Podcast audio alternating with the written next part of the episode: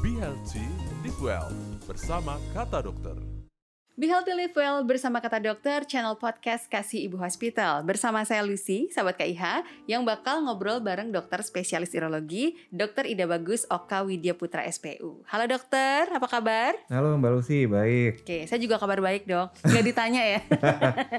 dokter, kali ini kita akan membahas uh, mengenai berbagai penyakit pada prostat yang tentunya menghantui kehidupan para pria. Tapi sebelum kita membahas lebih jauh nih, prostat itu sendiri apa dok?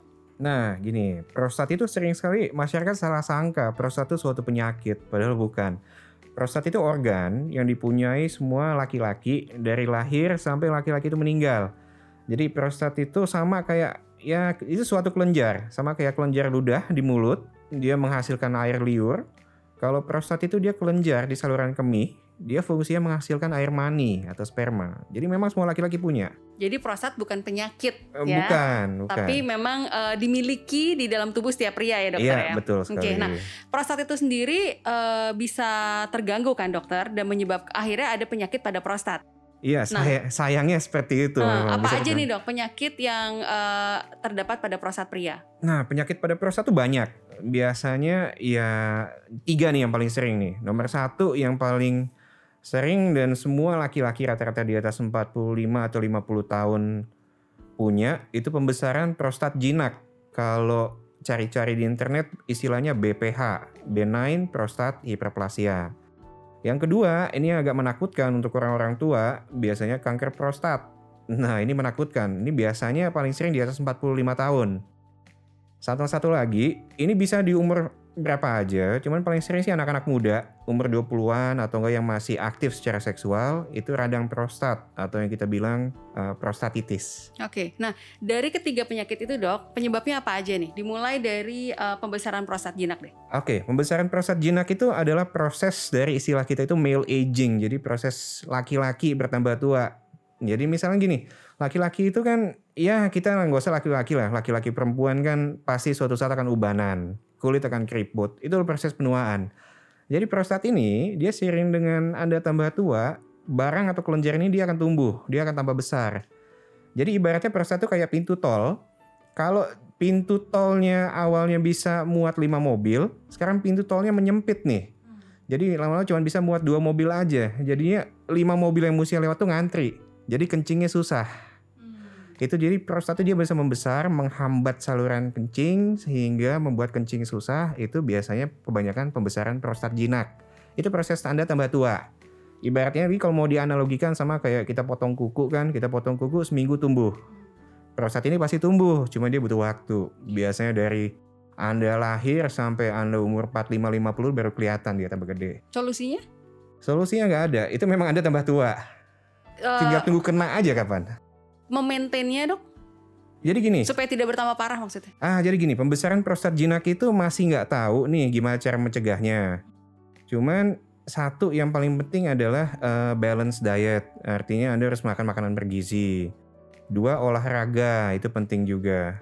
Cuman ya tetap kayak saya bilang, cepat atau lambat semua laki-laki akan kena. Nah kita sekarang beralih ke penyakit yang nomor dua nih dok. Tadi Ah. dokter mention kanker prostat. Oke. Jadi prostat itu kan prinsipnya tumbuh, kayak saya bilang. Tambah Anda tua, dia bisa tumbuh. Tumbuhnya bisa dua aja tuh. Satu, memang tumbuh karena Anda tambah tua. Itu ada sesuatu yang jinak, jadi nggak ada yang perlu khawatirkan. Kalau nggak ada keluhan, ya biarin aja. Yang satu lagi, dia tumbuh, tapi ternyata kanker.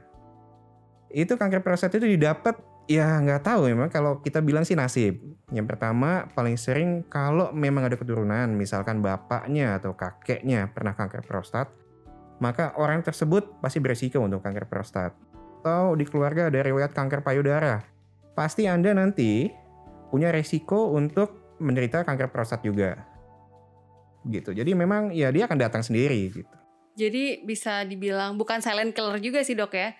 Cuman Sebenarnya sih dia silent killer. Oh, silent killer juga. karena memang kebanyakan gejalanya mirip dengan pembesaran prostat jinak.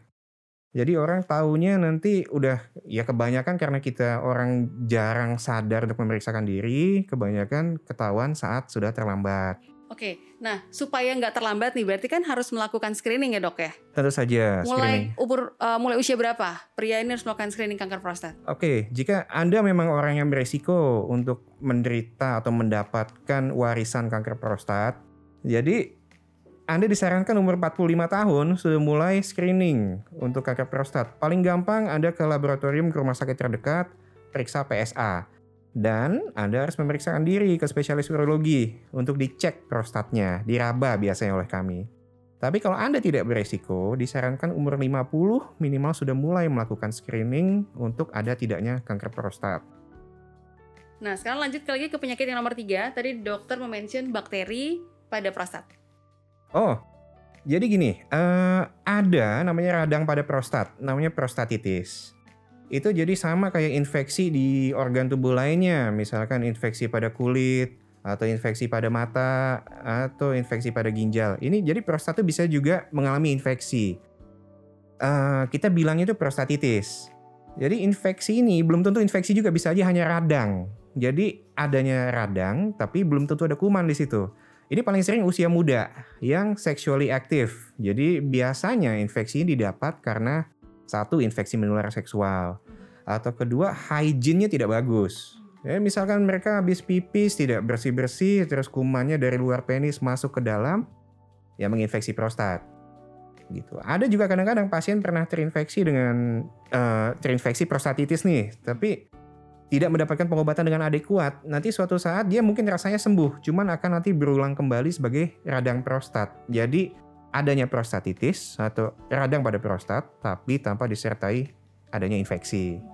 Oke, nah dok, em, kalau kita bicara tentang kesehatan prostat nih dokter ya, Ya, bagaimana dengan para pria eh, yang suka nge-gym? Nah biasanya kan kalau mereka mau membentuk tubuhnya, itu mereka suka mengkonsumsi eh, banyak protein kan, untuk Oke. membentuk otot lah misalnya kayak gitu. Itu akan berpengaruh nggak sama prostatnya? nah gini lucu, saya saya sih nggak pernah nge-gym ya, jadi nggak tahu apa aja yang dimakan atau disuntikan sama orang-orang itu. Tapi gini, eh biasa satu nggak ada hubungannya sama konsumsi protein. Oke, cuman ada penelitian bilang katanya kalau konsumsi daging merah banyak itu meningkatkan risiko kanker prostat.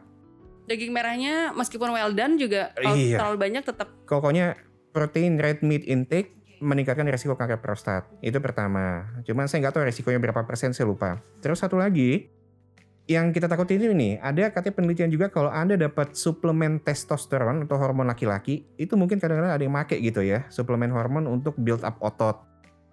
Katanya kalau Anda ke-expose sama kadar testosteron tinggi, itu juga bisa meningkatkan risiko kanker prostat. Seberapa persen Anda lebih beresiko, itu saya juga nggak hafal datanya, tapi bisa seperti itu. Tapi kalau nge-gymnya sendiri, kalau Anda nggak konsumsi apa-apa, kayak menurut saya nggak akan membuat kanker prostat. Justru itu sehat sekali. nggak masalah dokter Nggak ya. masalah. Oke, takutnya karena angkat beban terlalu berat akhirnya berpengaruh sama kondisi kesehatan prostatnya Oh gitu. enggak, paling keseleo nanti. itu keseleo prostat rada lucu juga ya dokter ya. Oke. Nah, Dok, sekarang kita akan membahas uh, mitos dan fakta seputar kesehatan prostat, Dok. ya, Eh, saya pernah baca masturbasi dan vasektomi ini menyebabkan kanker prostat itu benar nggak, Dok? oke. Ya, kalau vasektomi dulu ya. Vasektomi itu laki-laki dikebiri biar nggak bisa menghamili lagi. Itu vasektomi namanya. Itu mitos, nggak ada bukti kayak gitu. Jadi kalau misalkan para pria udah capek pakai kondom dan ingin eh, berhubungan tapi tidak ingin punya anak, mungkin ini suatu pilihan vasektomi. Jadi tidak ada hubungan sama kanker prostat. Kalau masturbasi sendiri itu memang sesuatu yang menyenangkan bagi pria. Eh, ada penelitian dulu bilang kalau Anda umur 20 penelitian ini bilang kayak gini, kalau ah, laki-laki umur 20 sampai 30-an tahun mereka masturbasi dalam sebulan 21 kali. Ini angkanya kayak gitu, 21 kali. Itu akan menurunkan resiko Anda menderita kanker prostat sebanyak 20-an persen. Menurunkan resiko kanker prostat. Ya, penelitian Oke. ini kayaknya mulai tahun 90-an dia pasien-pasien itu diikutin selama 30 tahun kalau nggak saya lupa saya sekian puluh tahun. Katanya kayak gitu ketemu angkanya. Cuman ada yang bilang juga ah itu nggak bener. Jadi ya itu kalau mau percaya silakan, nggak percaya juga nggak. Tidak berpengaruh pada kesehatan prostat, tapi mungkin ke psikis ya dokter ya kalau terlalu Psikis sering masturbasi ya. Cuman sih kalau mencegah kanker prostat yang belum kebukti 100%, cuman katanya sih menurunkan risiko Mhm. gitu. Oke, nah kemudian ada eh, mitos atau fakta satu lagi nih dokter ya. Apakah benar kalau berhubungan seksual dan ejakulasi bisa menghindarkan pria dari kanker prostat? Oke, kalau berhubungan seksual pasti diikuti dengan ejakulasi. Nggak mungkin orang berhubungan seksual laki-laki ya udah stop di situ aja nggak ejakulasi. Kok kayaknya rugi banget gitu kan pasti. Nah makanya itu sama juga kayak yang tadi, tadi saya bilang. Misalkan dia berhubungan seksual ejakulasi ya sama kembali ke ejakulasi. Ada ejakulasi sering menurunkan resiko untuk kanker prostat. Tapi itu kan hanya satu penelitian. Jadi ya interpretasi masih nggak jelas. Mau percaya silakan, nggak percaya ya udah. Tapi kalau berhubungan seksual sendiri murni berhubungan seksual mencegah kanker prostat saya rasa nggak ada, belum pernah ada data seperti itu.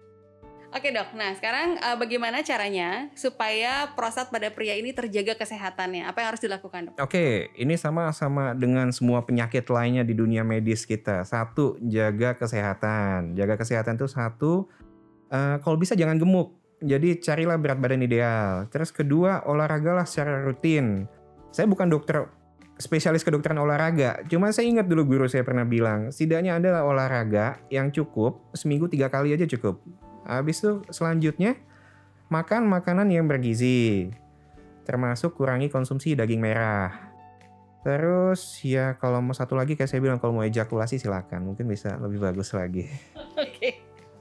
Uh, eh, dok, bicara tentang berat badan nih dokter ya. Untuk pria-pria yang uh, maaf ini kelebihan berat badan kan perutnya pasti rada maju ke depan nih dokter Betul. ya. Ada yang rada, ada yang emang maju ke depan. Ya.